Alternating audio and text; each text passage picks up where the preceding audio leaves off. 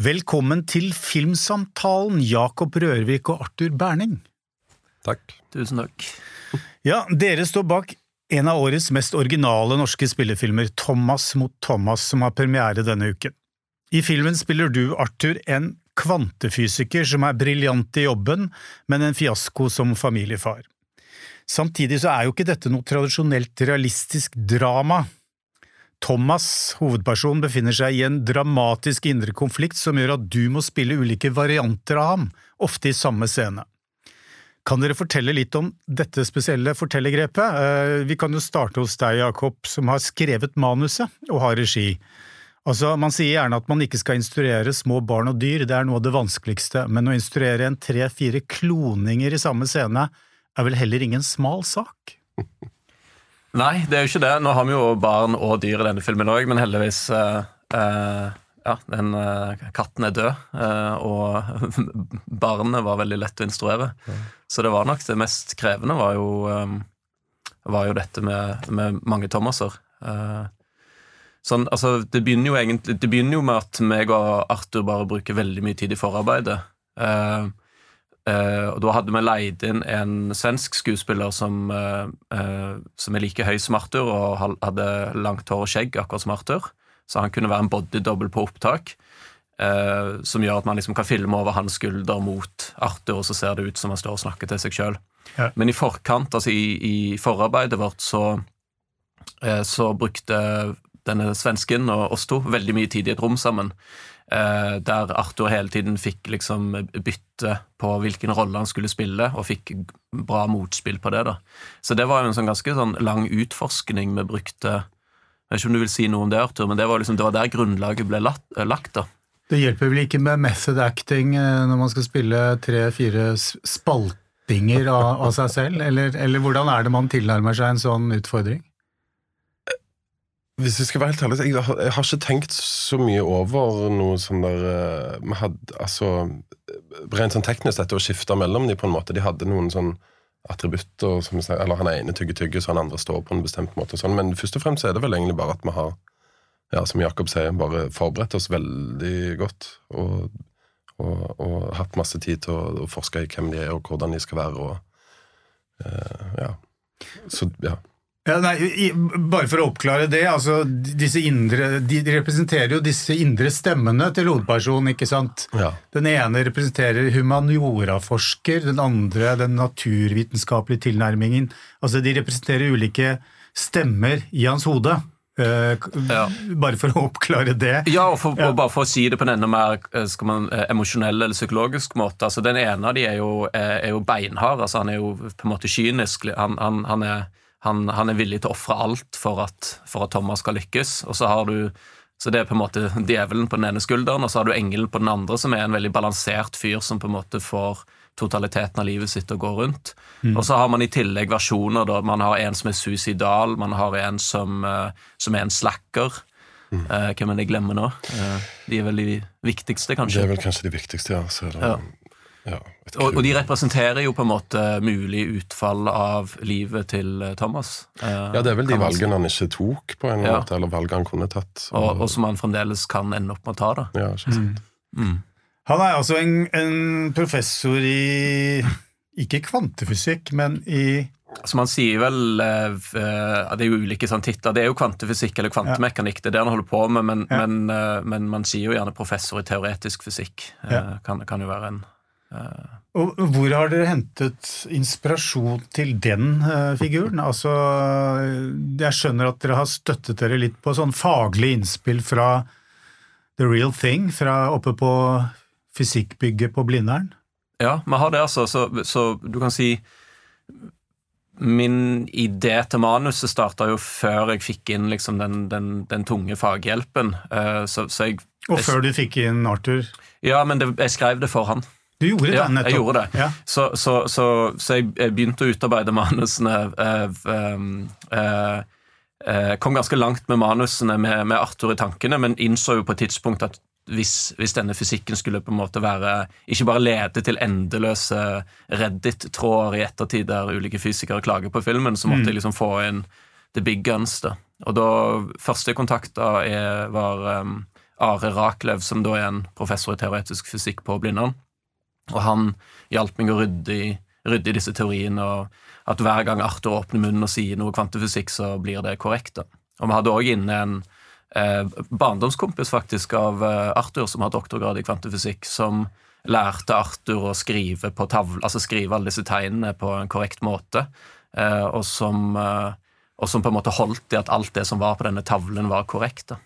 Ja, for når jeg ser disse scenene, så tenker jeg ja, kanskje er dette uh, autentisk, kanskje er det ikke, kanskje er det bare tull. Jeg har jo ikke greie på kvantefysikk. Mm. Uh, det kan jo være en fordel uh, for publikum og filmen, men, men, dere måtte gå ordentlig inn i det, Arthur. kunne ikke tulle med kvantefysikken. Nei, det kan du si.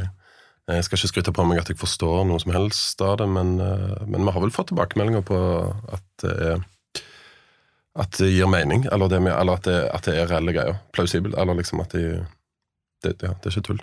Altså, Jeg hadde en sånn sinnssyk lettelse for, eh, for, eh, to dager siden. altså Vi hadde en visning på Vega med 70 fysikere til stede. 70? Eh, ja, Det var full, full, full sal med fysikere. Og jeg ga meg ikke til kjenne. Jeg bare sneik meg inn og holdt meg litt i skjul. Og så var det en podkast mellom to fysikere etterpå, som Are, blant annet, som har vært, vært involvert i prosjektet, og en annen, uh, annen fysiker, som diskuterte disse teoriene i en time.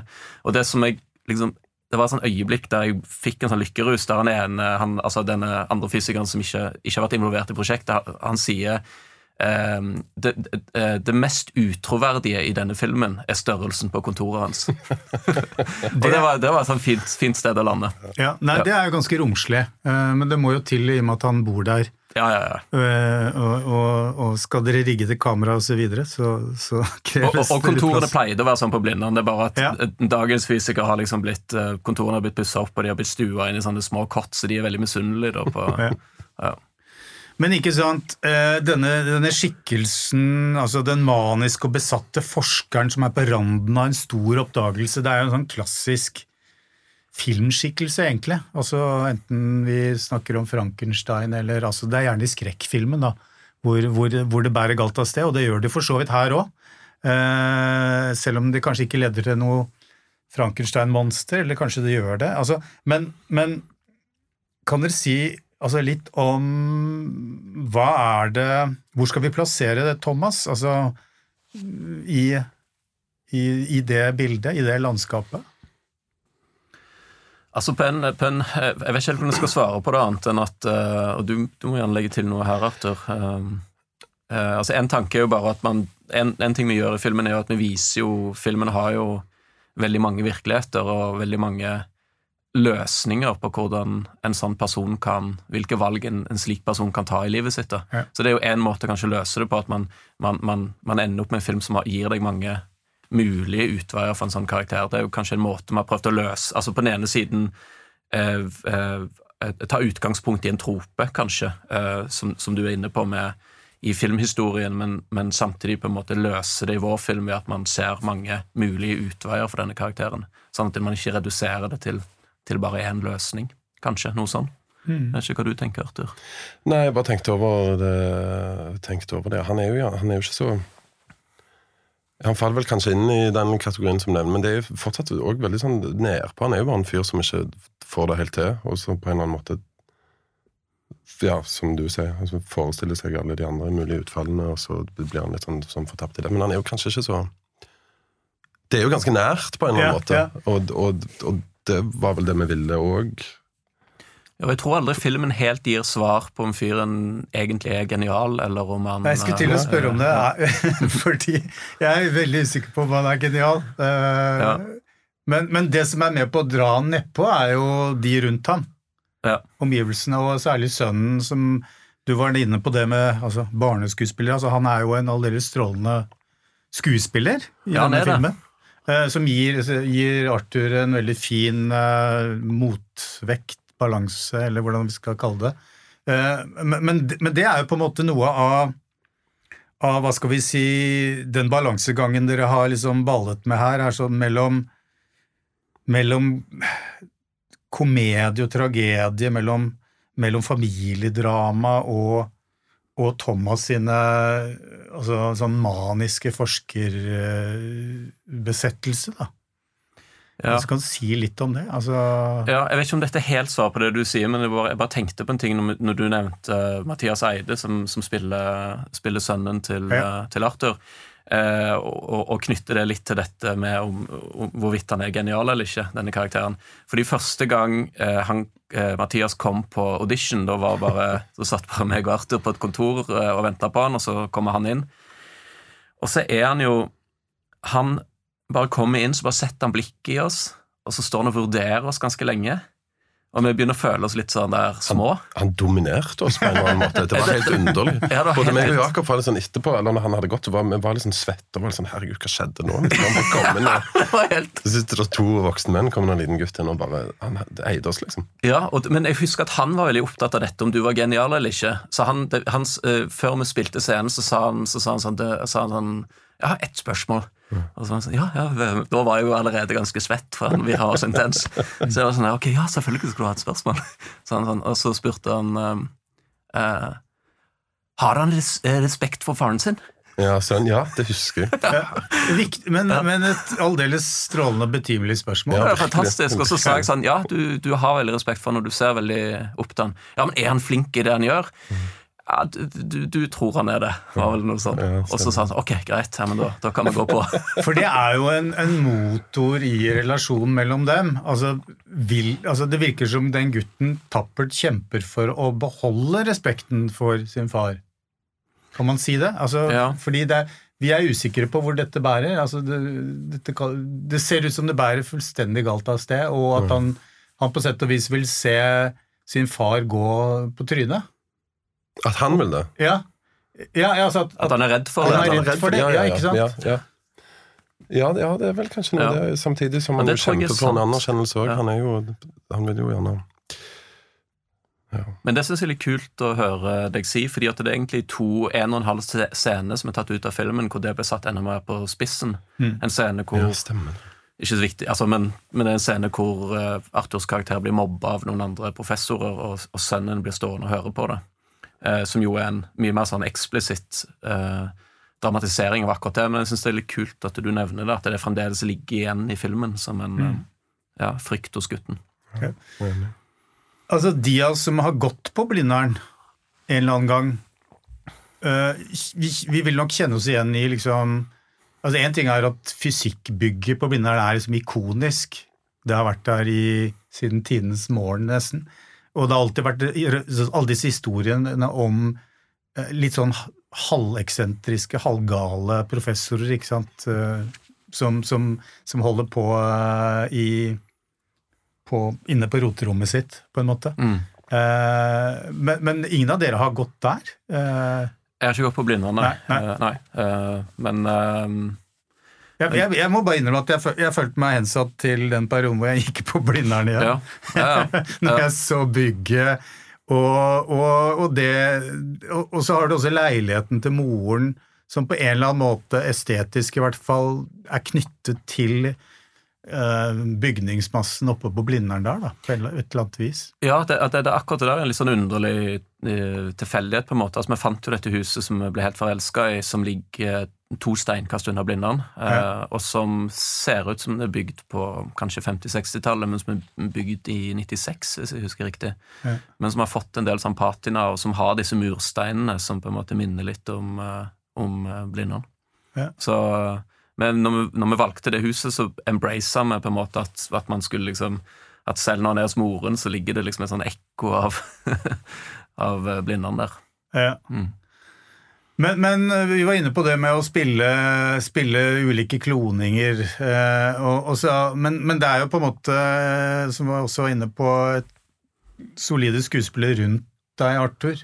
Eh, hvordan har de opplevd å spille mot deg? Altså, var det litt sånn Hvilken Arthur Nei, jeg mener, hvilken Thomas skal vi spille mot i dag?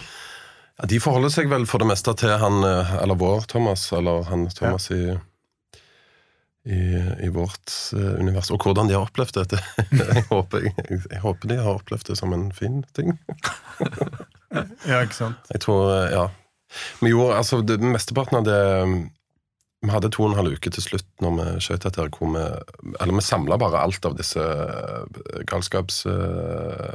Alt av gal, galskapsfilmingen til slutt. Altså når det er en haug med Thomas og Ja, spesielt det som er på kontoret. Spesielt, ja, særlig det ja. som er på ja, eller, ja, kanskje bare det, ja. Men, eh, så de, så de, de, de slapp meg på mitt verste, tror jeg, for det var en ganske sånn Det var en veldig spesiell eh, tid. Det var veldig ensomt og veldig teknisk og veldig tungt. Det var hardt arbeid. Det var det- Ja, det var gode 10-12-13 dager med bare meg sjøl. Altså det, det, det, som er så rart med den prosessen, er jo at man, eh, hvis Arthur snakker med eh, fire versjoner av seg sjøl i samme rom, så må man ha, må man ha fire body doubles som står på de plassene i rommet, sånn at blikkretningen eh, blir riktige, selv om Arthur skal gå og bytte kostyme, komme tilbake og ta Så han flytter seg rundt på de fem plassene da i rommet og spiller ut scenen fem ganger. Eh, Men dette er jo ikke en film med mye budsjett og sånn, og eh, vi endte jo opp en del body doubles som Det eneste kravet var på en måte at de hadde skjegg og langt hår, eh, og helst var 1,95 høye.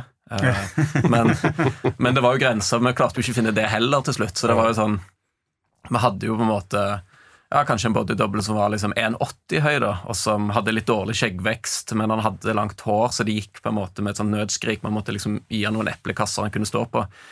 Men ofte så hadde man Ofte når ting gikk litt fort, så måtte jo For at blikkretningen skulle bli riktig, så sto disse bodydoublesene med eh, hånden på hodet, med sånn knyttneve sånn. Så veldig, eh, sånn at veldig ofte så Og det er jo litt den ensomheten du snakker om, så veldig ofte så sto du og bare leverte eh, helt rått skuespill mot fire knyttnever. Ja, det var Og, og det at man sitter i Når jeg klipper han sitter i og, og bare Det var jo ingen Det var aldri et dårlig take. Altså, det var um, Det er helt sykt at du har fått det til. ja, det, Skremmende, egentlig. Men, men, men eh, hvordan vil dere beskrive samarbeidet mellom dere på, på dette prosjektet? Eh, altså, fordi eh, filmen er jo laget innenfor noe som het Nye veier, eh, som var en, en slags eh, arena for utforskning og litt nyskapning innen norsk film, da, for å si det enkelt. Og er, er det det som kjennetegner samarbeidet på dette prosjektet? At det, liksom, det har vært litt sånn utforsking av et landskap som, hvor dere ikke til enhver tid nødvendigvis visste hvor dere gikk? Eller, eller har det bare vært sånn noe som på en måte tilhørte manusfasen, eh, og så når manuset var klart, så var det bare plankekjøring? Jeg tenker svare litt sånn todelt. Altså, Ja. Jeg tror nok at den, den største Nye Veier-delen på en måte handler nok uh, mye om, om manusarbeidet, hvor det, noe av det jeg sa i den søknaden, var at jeg skulle jobbe veldig med Jeg skulle virkelig sette meg inn i disse teoriene i kvantefysikken. Eh, altså populær, på et pop- populærvitenskapelig nivå, da, selvfølgelig, men jeg skulle bruke ganske mye tid på det, og bruke det for å forme manuset. Uh, og det, det, det gjorde jeg, og det er jo det som er liksom når man ser at filmen har flere slutter, den har parallelle historier som på en måte forløser seg på ulikt vis. Eh, Dette er jo ting som, som er en konsekvens av at jeg leste veldig mye om, om eh, det som da heter ja, man kaller for multiverset eller, eller mangeverdener-fortolkningen. Så, det, men, så, så, så, så når vi begynte å jobbe sammen, så var det et manus. Men så var det jo en eh, utforskning som vi gjorde sammen av den karakteren. eh, brukte, eller karakterene, at han brukte masse tid på Altså Bare, bare sånne småting som at denne kyniske versjonen av han alltid går rundt og tygger tyggegummi, det kommer jo det, Jeg husker når du kom på det, og begynte å gjøre det, det løsna. så løsna hele karakteren. Eh, så det var jo veldig mye det at vi brukte mye tid i forkant. Uvanlig mye tid, Vi vil si. gjorde masse forarbeid, ja, Ja. som Jakob sier, uvanlig. Det er ikke Ja. Det er ikke alt man får den tiden med skuespillere, men du var jo Du, du ga masse tid. Ja, ja, og du òg, holdt jeg på å si. Men det, var, det tror jeg var veldig viktig for at det i det hele tatt skulle la seg gjennomføre. At vi var For vi, da, vi var så tuna inn når vi var på sett, og vi hadde en sånn ganske sånn der, solide plan. Vi måtte ikke løse ting der og da, på en måte. Så da hadde vi masse rom til å til å til, til å finjustere eller, eller, eller liksom rette inn- og utreplikker, kanskje. Eller hva hvis han gjør Eller det var mye rom, eh, selv om det var utrolig sånn høyt press og titimersdager og helt sånn ellevilt, så fant man likevel et sånn rom eh, til å, å liksom forske litt i det som er spennende, da. Som er liksom hvor, altså, hvor kan vi dra dette, og ikke liksom hvem, hvem er jeg nå, på en måte, for det var så satt. Ja, det, har jo jeg, altså det, det er jo en sånn ting Nå har jo jeg aldri gjort noe med, med veldig store budsjetter, men jeg tenker jo Spesielt på et lavt budsjett, men sikkert uansett når man lager film, så har jeg veldig tro på å planlegge veldig mye i forkant. Fordi da får man det handlingsrommet som du snakker om nå. Så det, det er jo en ekstremt godt planlagt produksjon. Veldig viktig og veldig sjelden at man har Eh, men da får vi tid til de nyansene som vi som vi brukte liksom, energien vår på på sett.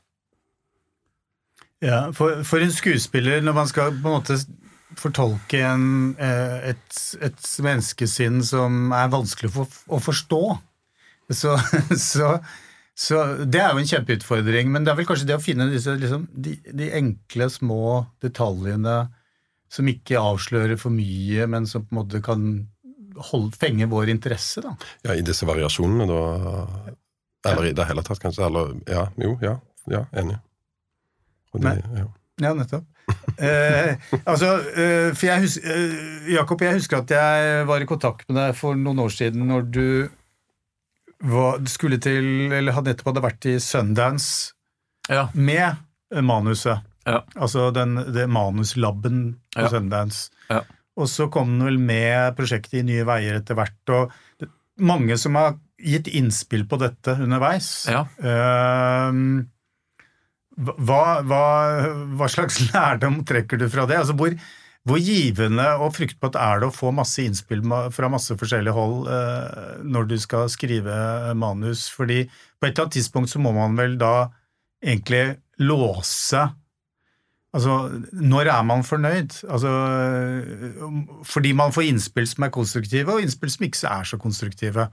Så hvordan har du liksom tatt deg fram i denne, denne jungelen der?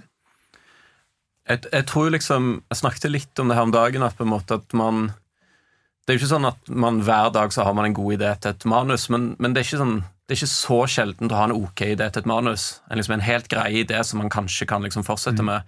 Men forskjellen for meg mellom liksom en idé som jeg ender opp med å forkaste, og en som jeg på en måte kan bruke mange år på å, å, å, å gi alt til, er jo hvis det er en kjerne i ideen, en emosjonell og tematisk kjerne i ideen som jeg tror på. Og sånn som dette manuset har gått gjennom ekstremt mange endringer, men kjernen har liksom alltid vært den samme. Så selv om jeg på en måte har forholdt meg til og to filmkulturer, altså den gjeng, den, de der amerikanske mentorene jo, altså Det var jo et dream team. altså Det var eh, Scott Frank som har skrevet Minority Report for Spielberg og Queen's Gambit og hatt regi på den. Eh, Zachary Sklar som skrev JFK for Oliver Stone. Eh, Nicole Perlman som skrev Guardians of the Galaxy, med flere. De var liksom eh, Det var helt sånn intenst å, bruke, å ha tid med dem. Altså de møtene var så intense at jeg, jeg klarte ikke engang å ta notater, så jeg bare, jeg bare spurte om lov til å um, ta lydopptak av de møtene. Uh, og det kom utrolig mye bra ut av det, men, men ekstra, altså, manuset ble bedre i den diskusjonen. Man kan jo se for seg Hollywood-versjonen av denne filmen. Ja, og det, og det er Og litt det Med mer hjertevarme, hjertevarme, ikke sant. Litt Kanskje til og med spedd litt sånn Rainman-ish. Altså at, Ja. at man gjør hovedpersonen til en slags eh, En slags kasus. eh, men Nei, altså ja, Jeg kan levende forestille meg hvordan dette kunne endt i, i Hollywood, da. Altså det, var, altså det var en utrolig fruktbar diskusjon, og så måtte jeg samtidig holde igjen på noen ting. Så de var, de var i utgangspunktet eh, på forskjellige måter og på forskjellige punkter i manus veldig skeptiske til at de opplevde hovedpersonen som ekstremt usympatisk. Og jeg måtte argumentere veldig hardt for at jeg mente at for det første er det interessant å se på karakterer som ikke alltid er sympatiske, og for det andre så mente jeg at det var noe i bunnen i denne karakteren som, som, som var dypt menneskelig. Og dessuten er jeg fra Europa, der er vi livspessimister. Ja, men det er noen sånne forskjeller. Så for eksempel, nå skal jeg, ikke, jeg skal ikke liksom spoile slutten av filmen, men bare litt sånn altså Slutten av filmen er et ordløst øyeblikk. Og der, der ville alle mentorene at han skulle si noe altså Jeg skal ikke si akkurat hva det er, for da spoiler jeg slutten, men han, de, ville, de ville at han skulle snakke det ut. Og det, og det var liksom sånn der, det var, det var, Jeg fikk den feedbacken liksom oh, you, you fucking Europeans, you're always so subtle. Og, Fordi når jeg, På Ja. slutten så må jeg bare innrømme uten å røpe noe, at jeg satt og bare tenkte ikke si noe. Ja. Ikke si noe. Og jeg er så glad du sier det. Men, det, men jeg måtte, der måtte jeg liksom holde igjen ganske Ja. hardt. altså. De var, de var helt sjokka over at jeg ikke ville gjøre det. Ja. Så, ja. Men eh, som jeg sa til Arthur, du hadde jo nekta å gjøre det. Så, så det hadde jo, det hadde jo ikke gått uansett. Ja. Ja. Men, men øh, altså nå, Denne samtalen har kanskje gitt- inntrykk av at dette er en film om kvantefysikk. Eh, men det er jo et familiedrama, og det er jo flere temaer her. Det er fedre som ikke får det til eh, i forhold til barna sine, og, og du kan si svikter eller har problemer med å, å på en måte fikse det moderne kommunikative uh, terapisamfunnet. Og det er litt sånn satire i forhold til det her også. Eh, så, så, så, så det er jo andre, det er jo en god del gjenkjennelige elementer dere har hidd inn her, da. Ja. I en fa sånn familiedramasetting. Jeg skjønner at dere er engstelige for å røpe for mye, men eh, Nei, nei. nei, nei. nei altså, jeg, altså bare Det jeg tenker på altså Det som har vært viktig med denne filmen, er på en måte å finne Det har vært utfordringen, og det er det som har vært viktig å få til, er den balansen mellom en veldig sånn high concept-greie som blir satt i gang av denne kvantefysikkteorien, som gjør det mulig å ha en fortelling med, der hovedpersonen har mange varianter av seg sjøl. Men samtidig kombinere det med noe veldig jordnært, som, uh, som er den emosjonelle kjernen som jeg har hatt med meg fra jeg begynte å jobbe med prosjektet. Um, og, og det å finne den balansen har liksom vært, vært utfordringen. Um, det har kanskje vært, og den har vi jo vært veldig sånn aktiv i begge to. Ja. Altså liksom det med å på en måte finne ut liksom, Altså, Vi, vi tulla litt om uh, her om dagen at vi liksom på et tidspunkt vurderte at denne Slacker-versjonen av Thomas skulle snakke med haugesundsdialekt. Ja, sant. Og vi syntes det var jævlig gøy. Men Ja. på et tidspunkt så bare fant vi ut at men det kommer til det kommer til å bli for gøy. Ja, ikke sant. Altså Det kommer til å ta oss vekk fra på en måte bare det Det blir for revy, da. Ja. Så hele tiden å bare finne ut hvordan man kan liksom beholde de ekte følelsene ut, og ikke gå for langt her og ikke gå for langt der. Det har jo vært en utfordring og et veldig aktivt samarbeid mellom oss. ja, det er eh, Nei, Arthur, jeg vet ikke om du har noe Nei, ba, bare, nei, ba- nei, bare, ja, nei, enig. Vi bestemte oss jo for at disse, disse kloningene, så det, eller disse variantene av at de Eller vi har prøvd å, å holde de litt sånn plausible på en eller annen måte, at de ikke blir sånn For det er litt sånn som Jakob sier, det er jo veldig lett å bare gå litt sånn all in og lage sånne her outrerte galninger. Eller vi kunne jo forsterke de, de, de eh, egenskapene deres enda mer, men da hadde vi kanskje mista litt av det, av det nære og det menneskelige og det Ja. som det jo handler om. Og så kunne vi liksom ikke gjøre de mindre outrerte heller, fordi da, Da hadde hadde man man liksom ikke fått de ytterpunktene. Så det var en sånn balanse der òg. Ja. Ja, altså Det er en slags hovedkonflikt i, i Thomas mellom Eller han har i hvert fall to kloninger som representerer to hovedspor. og Det er liksom humaniora-forskeren, og så har du den naturvitenskapelige, litt sånn nærmest darwinistiske eller nitsjianske, eller hva man skal kalle det. Ja, Altså, sånn han- sosialdarwinistisk Ja, Det er bare, det ja, og, og, og, og det er jo på en måte noe som på en måte gjenspeiler så mye og mangt, akkurat som filmskaping. Altså Børskatedral, eh, realistisk eh, drama som på en måte skal formidle noe på en forståelig, eh, tradisjonell måte, og så har du det eksperimentelle. Så det er deg som filmskaper, altså du, du må jo da kunne gjenkjenne absolutt dette Altså denne, denne konflikten, denne evige konflikten. Ja. Jeg prøver ikke å dra det over i et sånn veldig seriøst eh, På et veldig seriøst plan her, men, men det er jo absolutt eh, ikke noe sånne Det er noe Det, det er en slags dualisme som man vil gjenkjenne fra så mange felter av livet, egentlig. Ja. Jeg, jeg får ikke sett det bare, men det bare, jeg, jeg har jo masse tanker om det, men jeg vet ikke helt hvor jeg skal begynne. Men, Nei, ikke sant. Men, men, eh, hvor- har du en Jeg åpner en sånn Pandoras boks Ja, det er liksom sånn eh, Ja, det kan, jeg kan snakke Ja. lenge om det. Eh, Men, men uansett, eh, om den blir oppfattet som en komedie eller en, en, en tragisk komedie, ja, nei, det, det spiller kanskje ikke så stor rolle for dere? Nei.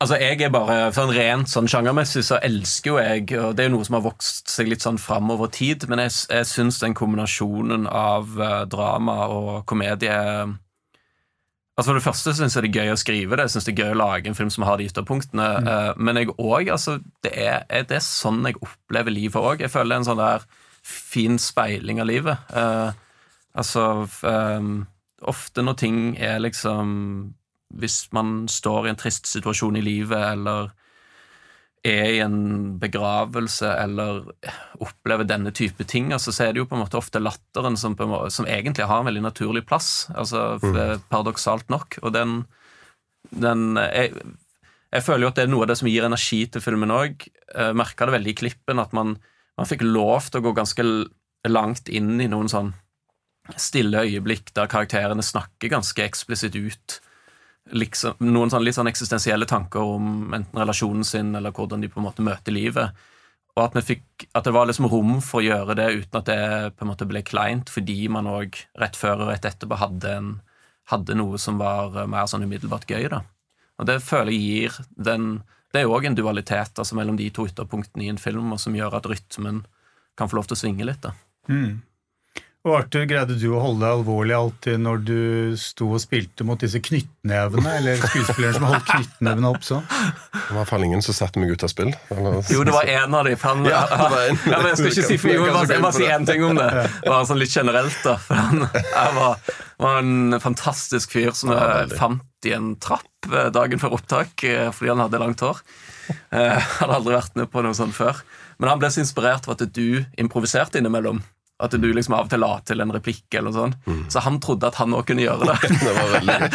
Som gjorde at det var, var så mange ganger du bare, bare knakk sammen fordi du bare tenkte faen, hva slags motspill får jeg Ja, han satte meg ut, og så hadde han òg en veldig, Ja. veldig underlig dialekt. Veldig fin dialekt. Han var jo han var et funn, han men, var et eh, funn. men det tok var- litt tid før han skjønte han ikke kunne improvisere. Da er jeg veldig fornøyd med denne utgaven av Filmsamtalen, ja.